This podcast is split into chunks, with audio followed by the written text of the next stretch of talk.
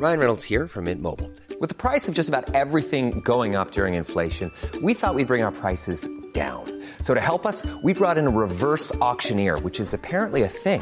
Mint Mobile unlimited premium wireless. Ready to get 30, 30, bit to get 30, bit to get 20, 20, 20, bit to get 20, 20, bit to get 15, 15, 15, 15 just 15 bucks a month. So, Give it a try at mintmobile.com slash switch. $45 upfront for three months plus taxes and fees. Promo for new customers for limited time. Unlimited more than 40 gigabytes per month. Slows. Full terms at mintmobile.com. Systrarna Britton, din kropp, dina val. Detta är en podcast om graviditet, födsel, kroppen och livet som förälder. Oavsett om du väntar barn, är mitt i familjelivet, drömmer om att skaffa barn eller bara är allmänt nyfiken. Vi hoppas kunna hjälpa dig att göra medvetna och informerade val när det kommer till din kropp. Du lyssnar på systrarna Britton, din kropp, dina val. Med mig och Pukwa. Och med mig Asabia. Hallå, hallå, hallå! Välkomna tillbaka. Vad kul att du lyssnar. Eh, idag ska vi prata om abort, men först och främst, hur mår min syster Asabia? Jag mår bra och eh, lite så här stökig morgon som det är varje morgon i mitt hem. eh, det är aldrig liksom en harmonisk start på dagen känner jag. Jag hade älskat att liksom ta en stilla kaffe i soffan. Men varför går du Eh. inte upp lite tidigare? Det gjorde jag idag. Jag vaknade, liksom, eh, började skruva på mig vid fem i sex. Så bara, men vet du vad, jag går upp nu bara. Så Mm. får jag liksom sitta i lugn och ro, även om det blir tio minuter. Det var så underbart. Så går man Ja. och tissar och tassar där nere på undervåningen. Det hade man kunnat göra. För det mesta så vaknar ju min minsta son om jag går upp. Men nu vaknade Ja. han också 5.40. Jag tycker det är för jag vill inte gå Uh, upp tidigare. Jag- Ställ alarm på 4.30. Hur mår du? Det är lite mer intressant Gud, för mig och lyssnarna att höra. Hur mår du i din graviditet? Igår mådde jag ju piss, faktiskt rent ut sagt. Jag, nu är det inget roligt. Så kände jag. Mm. Mycket, vi har ju liksom mycket projekt och det är mycket som händer i livet överlag med flytt och graviditet och jobb. Men eh, så kommer det till en punkt där man bara känner det här, det här var inget roligt. Jag orkar, jag orkar inte mer något av det egentligen. Men eh, ja, det var igår och idag är idag. Glad jag blir att du mår lite bättre i- idag. Så Kände att du var himla- så ledsen igår. Ja, det är så himla himla skönt. Och nu, eh, jag, eh, jag kör ju lite födselprepp varje dag. Eh, alltså mellan 4 och 44 minuter. Liksom. Ehm, Vi kommer, prata, vi kommer ha ett avsnitt om hypnobirthing och då kommer vi prata lite mer förberedelse och så. precis. Eh, För det är väldigt spännande. Är så fint också när du lägger upp tycker jag varje dag. Så här, det här har du på din Instagram story så brukar du lägga upp Ja, dagens födselprepp och det kan vara väldigt högt och lågt. Och, Det är det. Jag tänker också att man ska visa folk att man behöver inte lägga ribban så jäkla högt till att börja med. Men sen också att det inte behöver, prepp behöver inte vara fokuserat på vad ska jag införskaffa för att vara förberedd inför barnet. jag menar materiella ting. Ja, i alla fall i så här, jag har ju någon app och då är ju förberedelsen handlar om alltså, vad, vad behöver du ha i din förlossningsväska? Vad, det. vad behöver finnas i liksom, the nursery room? Och liksom sådana där saker. Och eh, det tror jag att många, alltså är lätt att hitta info om, men vad ska jag göra för att eh, liksom förbereda mig och också njut, få Alltså det att bli, mentalt ja, och, mm. och få det att bli njutningsfullt även under graviditeten så att jag kan liksom få fördelarna av det under graviditeten, under födseln men också använda mycket av de här grejerna även efteråt. Så Det spelar ju verkligen in om man, är, har, om man till exempel har stresspåslag under graviditeten. Då kan man vara ganska säker på att det kommer linger även efteråt. Och man vet också att det där ökar risk för eh, nedstämdhet och depression och så om man är väldigt stressad. Och det är väl i extremfallen. Men det finns ett, många syften i att försöka stressa ner och hitta lugnet även under graviditeten. Precis. Och liksom, bara som jag försöker påminna folk och mig själv om att liksom försök att också lägga mycket energi på att njuta. Alltså det är ju njutningsfullt att få eh, slappna av och att eh, prioritera sig själv, att komma ner i varv. Det är, inte en ju- chore, eller det Exakt. behöver inte vara en chore kanske. Exakt, och det bör inte vara en chore. Då gör något annat. Liksom, om du tycker att det är, känns så himla ansträngande att eh, meditera. Om det är så att du känner att vet du vad, jag, jag hade inte tid en dag, okej, okay, spelar ingen roll. Mm, jag gillar det när du skriver det också. Idag var födelsedagspreppen att typ inte göra någonting. Exakt, det ja, också. För att jag, då släppte jag allting. Uh, nice, men som sagt vi kommer att prata lite mer om förberedelse i ett helt uh, separat avsnitt. Det ser mm. jag fram emot.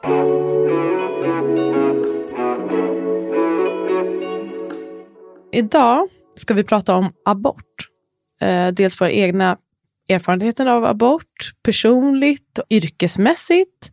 Vi berättar lite, vi har lite historielektion här om hur det ser ut. Eller jag vet inte. Vi pratar lite om det, hur det har sett ut historiskt i Sverige, hur det ser ut i världen, varför är den här en viktig fråga att ja. prata om och lite så. Ska du berätta om, har du gjort en abort? Kanske jag ska börja med att fråga. Ska mm. inte... Jag har gjort två aborter.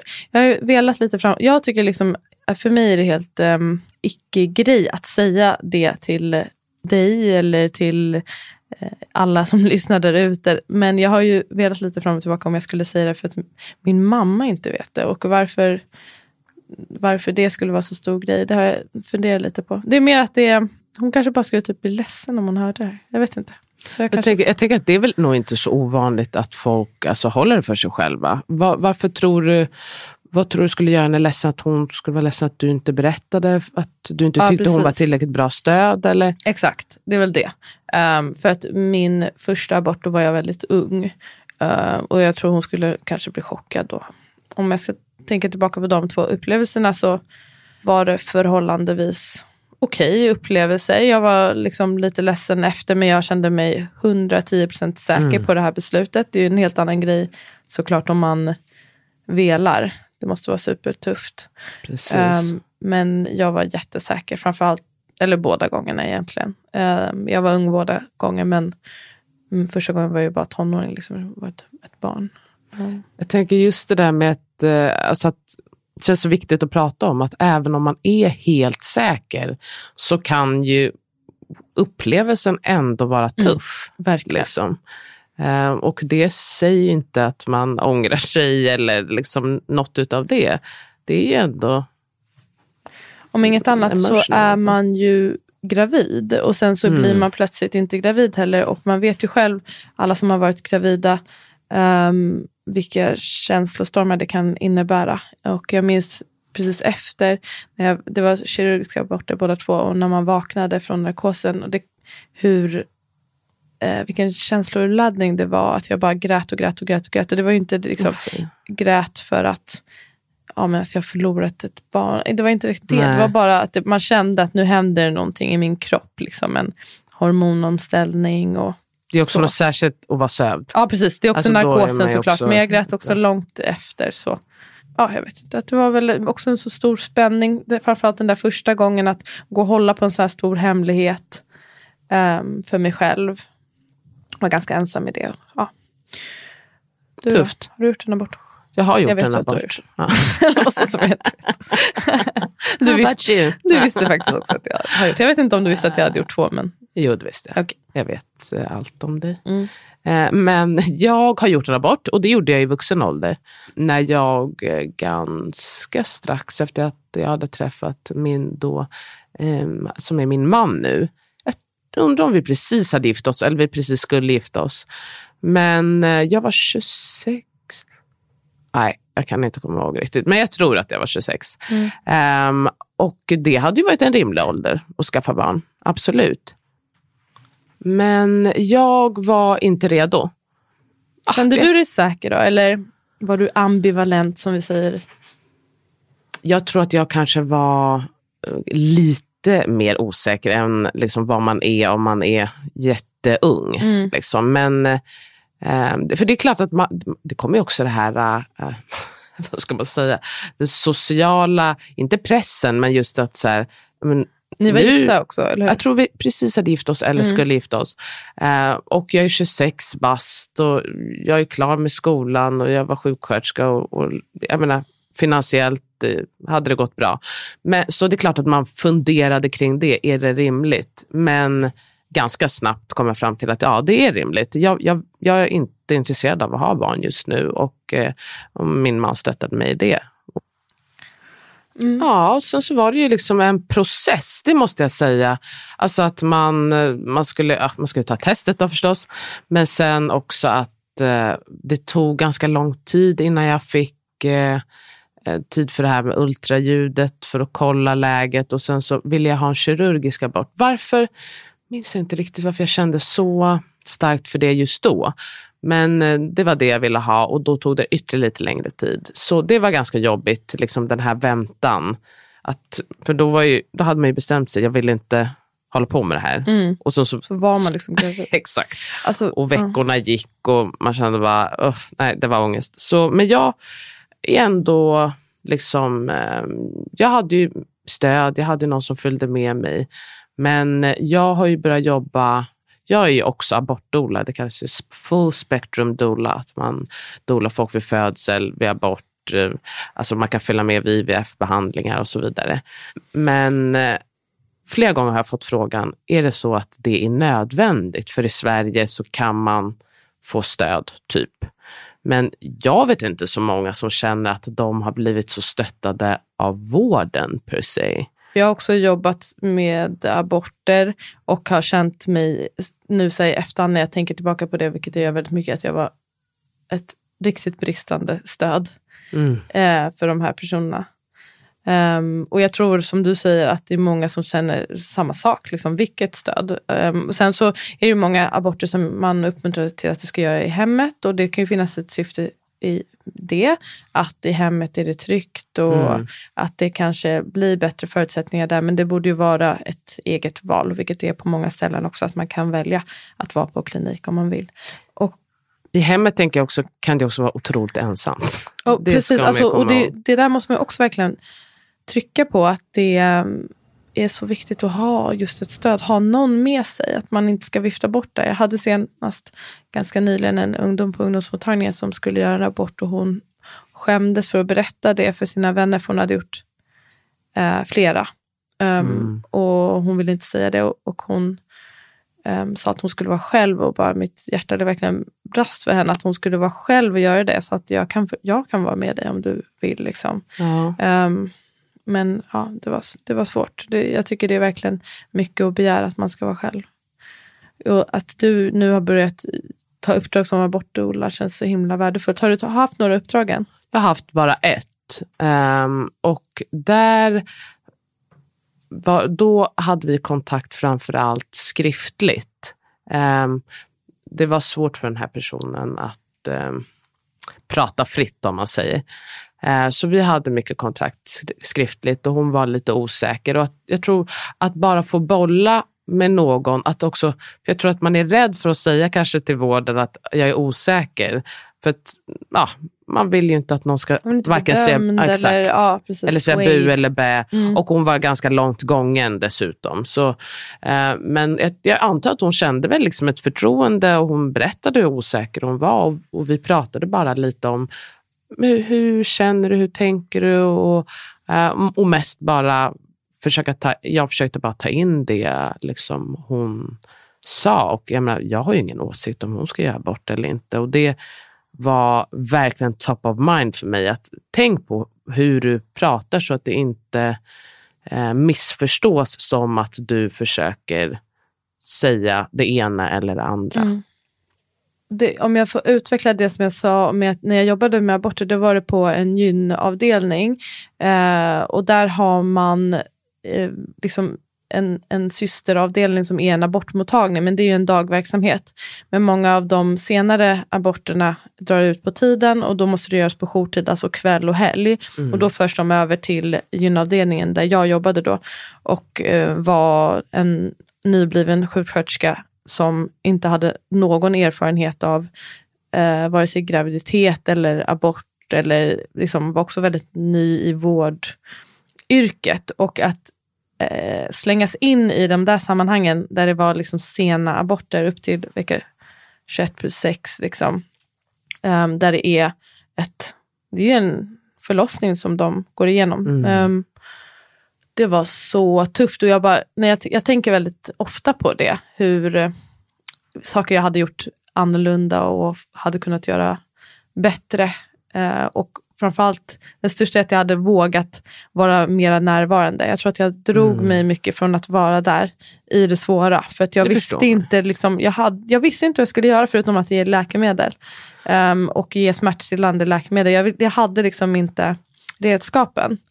Eh, och vi fick inte heller lära oss direkt hur vi skulle göra. Jag hade en väldigt fin undersköterska som jobbade på förlossningen som tog sig an mig lite och försökte liksom lära mig hur det här med det som vi kan nu med, att, med beröring och att vara närvarande stöd och så.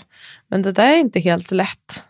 Det finns ju en anledning till att på abortmottagningen då är det ju barnmorskor som jobbar. De är ju vana vid det där. Men vi hade liksom inte den kunskapen. Jag hade velat att ehm, ja, det hade varit bra med ett annat system. Att det kanske alltid var en barnmorska på plats. Eller någon som är lite särskilt inriktad på abort. Ja, det finns ju ehm, det finns brister. Det är inget snack om saken.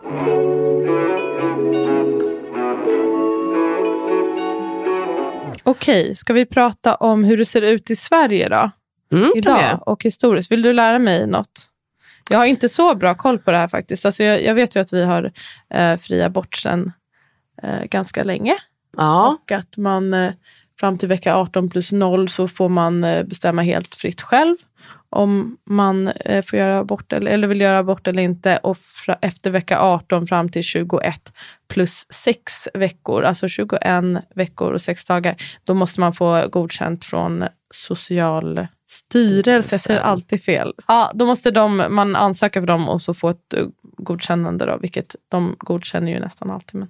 och visst är det så att just det här eh, 21 plus 6, det handlar om att då kan barnet överleva. Ja, precis. Man har bedömt att Ja. efter det så ehm, kan barnet överleva. Ja, och jag har ju djupdykt lite grann nu, så här, hur det ser ut i världen och eh, verkligen känner ju en uppskattning för att eh, man bor i Sverige, helt enkelt.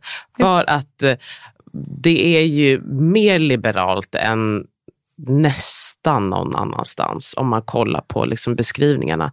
Sverige har haft fri abort sedan 1975, men eh, vi var absolut inte först. Först var faktiskt eh,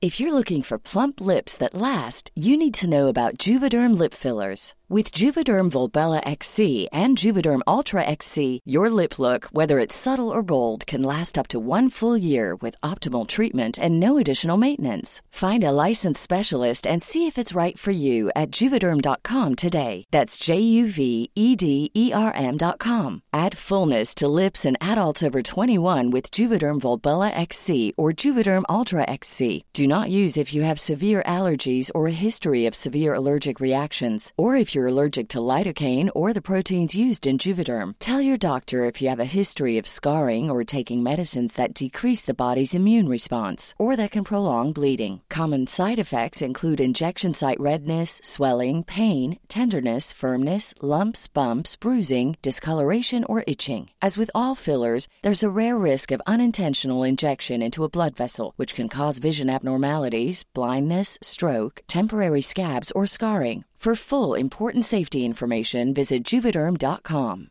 Hey, I'm Ryan Reynolds. At Mint Mobile, we like to do the opposite of what Big Wireless does. They charge you a lot, we charge you a little. So naturally, when they announced they'd be raising their prices due to inflation, we decided to deflate our prices due to not hating you. That's right. We're cutting the price of Mint Unlimited from $30 a month to just $15 a month. Give it a try at mintmobile.com slash switch. $45 upfront for three months plus taxes and fees. Promo rate for new customers for limited time. Unlimited more than 40 gigabytes per month. Slows. Full terms at mintmobile.com. jag vet inte om du vet, men vill gissa? Ehm, ja, men jag, jag tror att jag läste dina notes att det var Ryssland. Ja, det Ja. tänker man väl inte. Nej, det är tänker man inte. Ryssland var först 1920 och strax efter det var det Mexiko. Eh, och Mexiko det var inte liksom fri abort utan eh, vid eh, våldtäkt. Och eh, några andra som gick i bräschen, vilket också känns eh, otroligt eh, ironiskt idag förstås, det är ju Polen. Eh, där har det ju gått åt helvete får man ju säga, rent ut sagt. Mm. De har ju bara liksom backat, backat Eh, det är stenåldersmetoder vid det här laget. Poland is seeing its biggest protests in decades with widespread fury at a decision to almost totally ban abortions. The country already has some of the strictest abortion laws in Europe, but the ban would prevent even women whose fetuses have severe malformations from being able to terminate their pregnancies. The protests have delayed the law's implementation, but hospitals across Poland have already stopped the procedure. Polen får man i praktiken bara göra abort om det är på grund av våldtäkt eller incest. Eller om livet är i fara. Annars så får man inte göra det. Apropå Polen så har det ju hänt en fruktansvärd grej som folk har demonstrerat emot där. Att eh, det kom in en eh, kvinna som var gravid i vecka 22 eh, med en infektion, koriamnoid, alltså att man har infektion i fosterhinnorna. Och det här kan ju vara, Ehm, det vet man att det kan vara potentiellt, alltså barnet eh, kan dö, absolut, det är en hög risk för det. Eh, men också att den som bär barnet kan dö om hon får en sepsis, alltså en blodförgiftning. Men då har man alltså undvikit att ehm, abortera barnet för att man vill vänta ut då att hjärtat ska sluta slå. Ja, och mycket riktigt så fick den här kvinnan en sepsis och dog. Så Hon hade ett sjukt. barn sedan innan och en man, en familj som hon lämnade efter sig. Ehm, Helt fruktansvärt vilka eh, längder man kan gå. Så Polens ehm, nya abortlagar de tillåter fortfarande abort när det är fara för kvinnans liv. Men eh, man misstänker att de här hårdare reglerna ändå påverkar personalen att inte våga ingripa i tid helt enkelt. Man är rädd för sin, att missa sin legitimation eller få repre- andra repressalier säkert. Precis. Och återigen, man pratar om liksom pro-life. Vems Exakt. liv är det man värnar om egentligen? Vems liv? Så, så finns det ju några få länder där det är totalstopp. Och där blev jag nog lite mindre förvånad måste jag säga. Ehm, Filippinerna, otroligt eh, katolskt. Eh, Dominikanska republiken, Kongo, Jamaica, Honduras. Lite mer förvånansvärt tyckte jag i alla fall var Malta. We'll focus on Malta today, which has not only among the strictest abortion laws in Europe, but also in the world. De har, alltså det spelar ingen roll. Det spelar bara ingen roll alls, utan du får inte göra abort. Och liksom att vara i EU ändå och vara omringad av så många länder där det är så fritt och sen verkligen tycka att det är rimligt att hålla fast vid det här total eh, stoppet. De flesta länder är ju någonstans mellan Sverige och eh, Malta. Alltså att man får göra abort under vissa eh, premisser. Precis, eller fri abort till vecka 12 och sen så måste du fråga eller anmäla på något sätt. Men jag tyckte jag hade en polare som hade en erfarenhet från Tyskland. Och där, är- på något sätt, jag vet inte hur du tänker, men Tyskland, det tänker jag att det är väl som fär, alltså Sverige när det kommer till att vara liberalt. Men där hade de en regel som jag aldrig hört talas om, att man får inte göra reklam för abort. Vilket det- man tänker så här, ah, men vem håller på att göra reklam? Men du får inte hålla på och prata om att här kan du göra en abort. Aha, som Vilket- att man skulle uppmuntra folk till att göra abort. okej. Vilket gjorde det ju jättesvårt att ta reda på, speciellt när man inte kommer därifrån, ta reda på vart kan jag få göra en abort? För att det var otroligt otydligt. Det var också liksom, det är klart, det är också en inskränkning för att göra det svårare. Eller att man kan ha att du måste komma tre dagar innan och ha ett samtal där vi kan då försöka övertala dig till att det här är en dålig idé. Man säger att det är fri abort, men så har man såna här små ja, men, eh, regler som gör att det blir liksom eh, svårare och svårare. Eh, jag läser väl lite notes, det visste jag inte faktiskt att, eller jag, jag visste inte att det var så nytt att i Sverige så har vi en ny abortlag från 2008 som gör att det är tillåtet för utländska kvinnor att komma hit och få en abort om de betalar ingreppet själva. Ehm, och Sverige är därmed det enda landet i Europa dit man kan åka och få en helt fri abort fram till graviditetsvecka 18. Så Det fint. stolt- det blir jag stolt över. Jag kunde inte hitta den infon om något annat land, alltså i hela världen Okej, faktiskt. Men eh, ehm, det kan, ja, det vet man inte. nej precis. vi har ju en annan, ehm, det här med fri och vad som är fritt. Det är ju eh, ett, en grej som är stor i både Mexiko och framförallt har jag läst mycket om Italien. Det här med att eh, samvetsvägran. Mhm.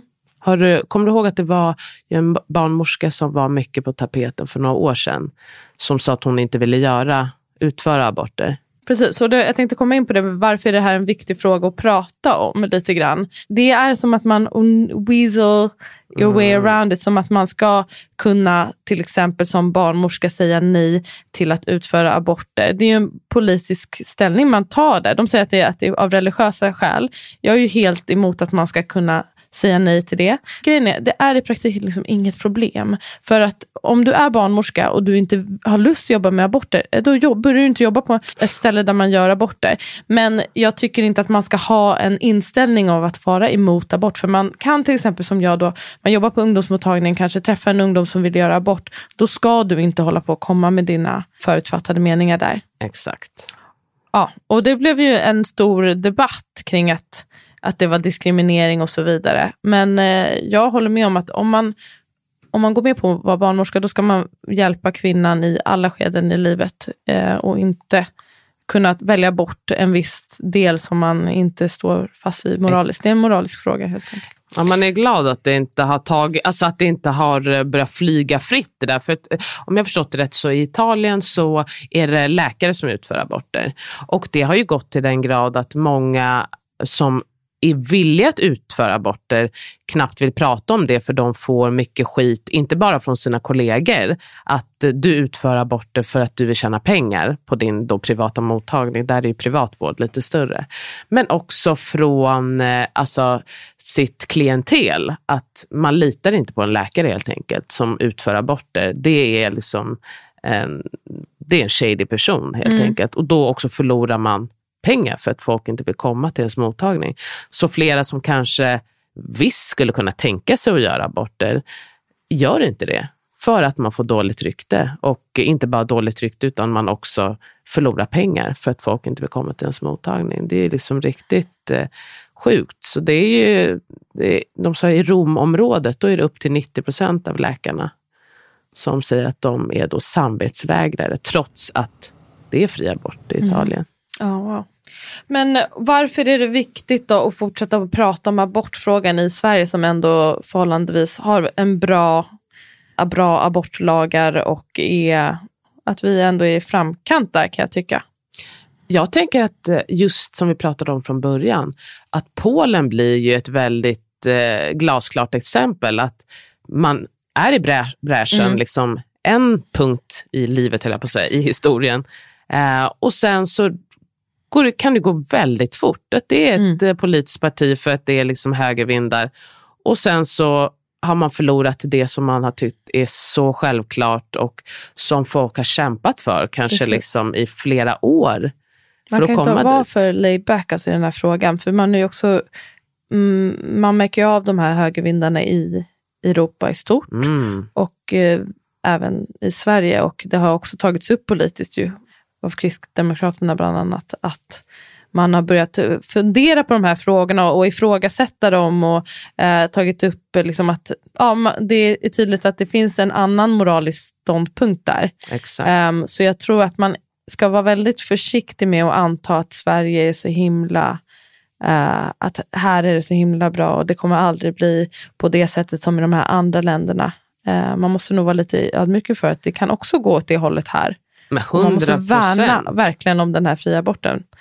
Jag tänker om man ska gå tillbaka till, alltså, har du funderat på om du skulle bo i ett land där det inte var fri abort, hur hade det varit för dig då att få det där beskedet att du är gravid och du känner att du inte eh, är redo?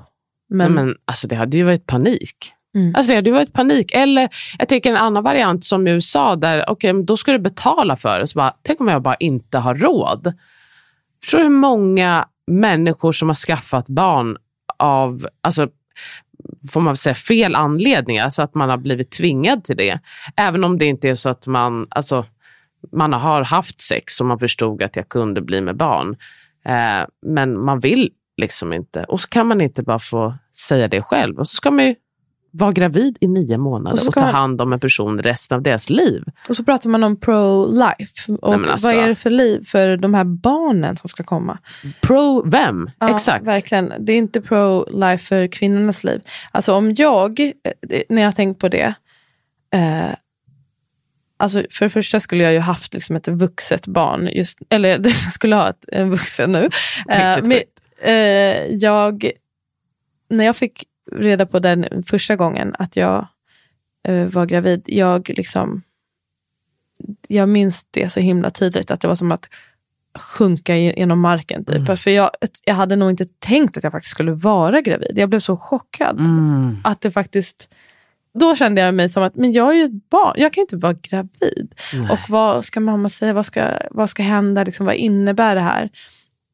Om man då eh, hade sagt till mig att du inte får göra det här. Eh, jag är helt säker på att jag hade gått och gjort det på olaglig väg. Alltså försökt göra det själv eller någonting. Så alltså, är det det är ju så. Det kommer ju inte bli färre aborter, det kommer bli fler Olagliga. osäkra aborter, fler kvinnor som dör i sina aborter. Och Så är återigen, man pratar pro-life. Det ser man ju om och om och om igen i olika länder där man håller på att sänka eller inskränker rättigheten.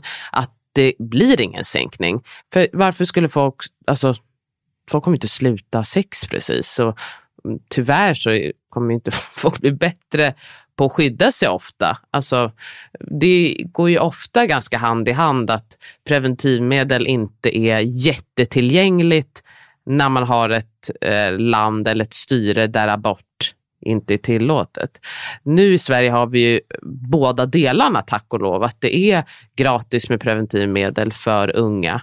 Eh, att man har ungdomsmottagning. Man har ju täckt upp på många olika sätt för att man inte ens ska hamna i en sits där man behöver göra en abort.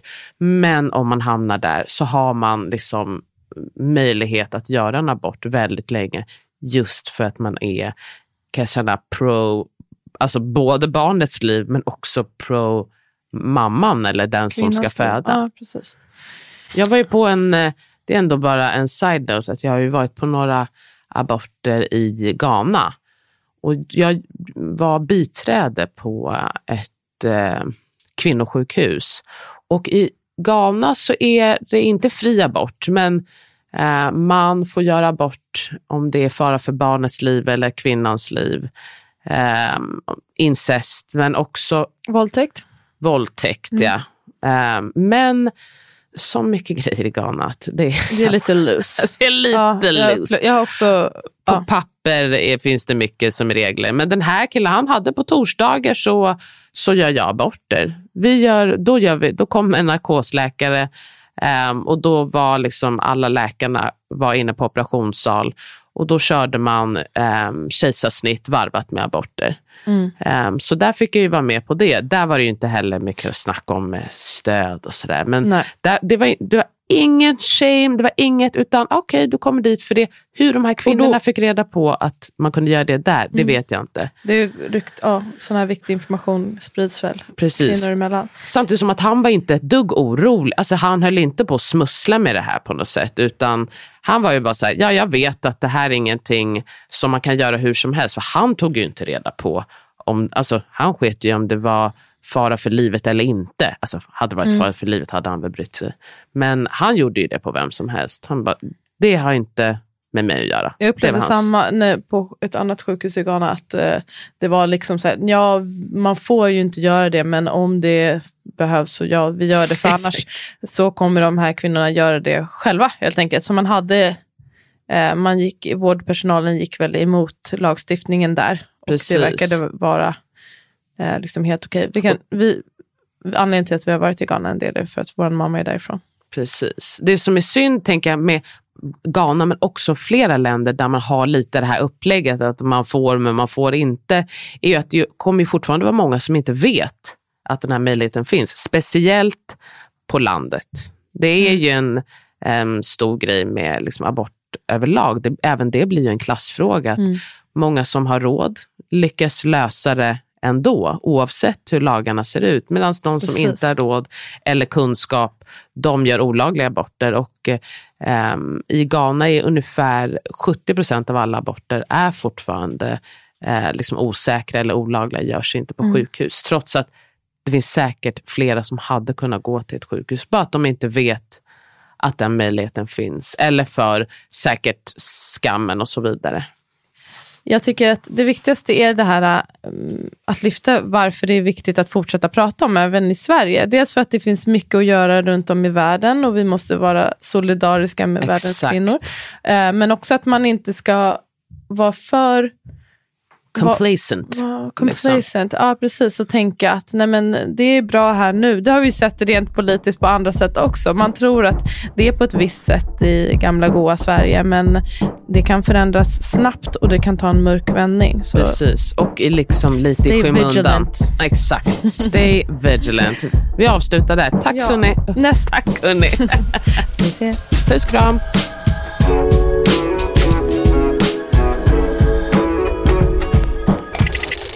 Du har lyssnat på en podcast producerad av Ami och Fanna Produktion.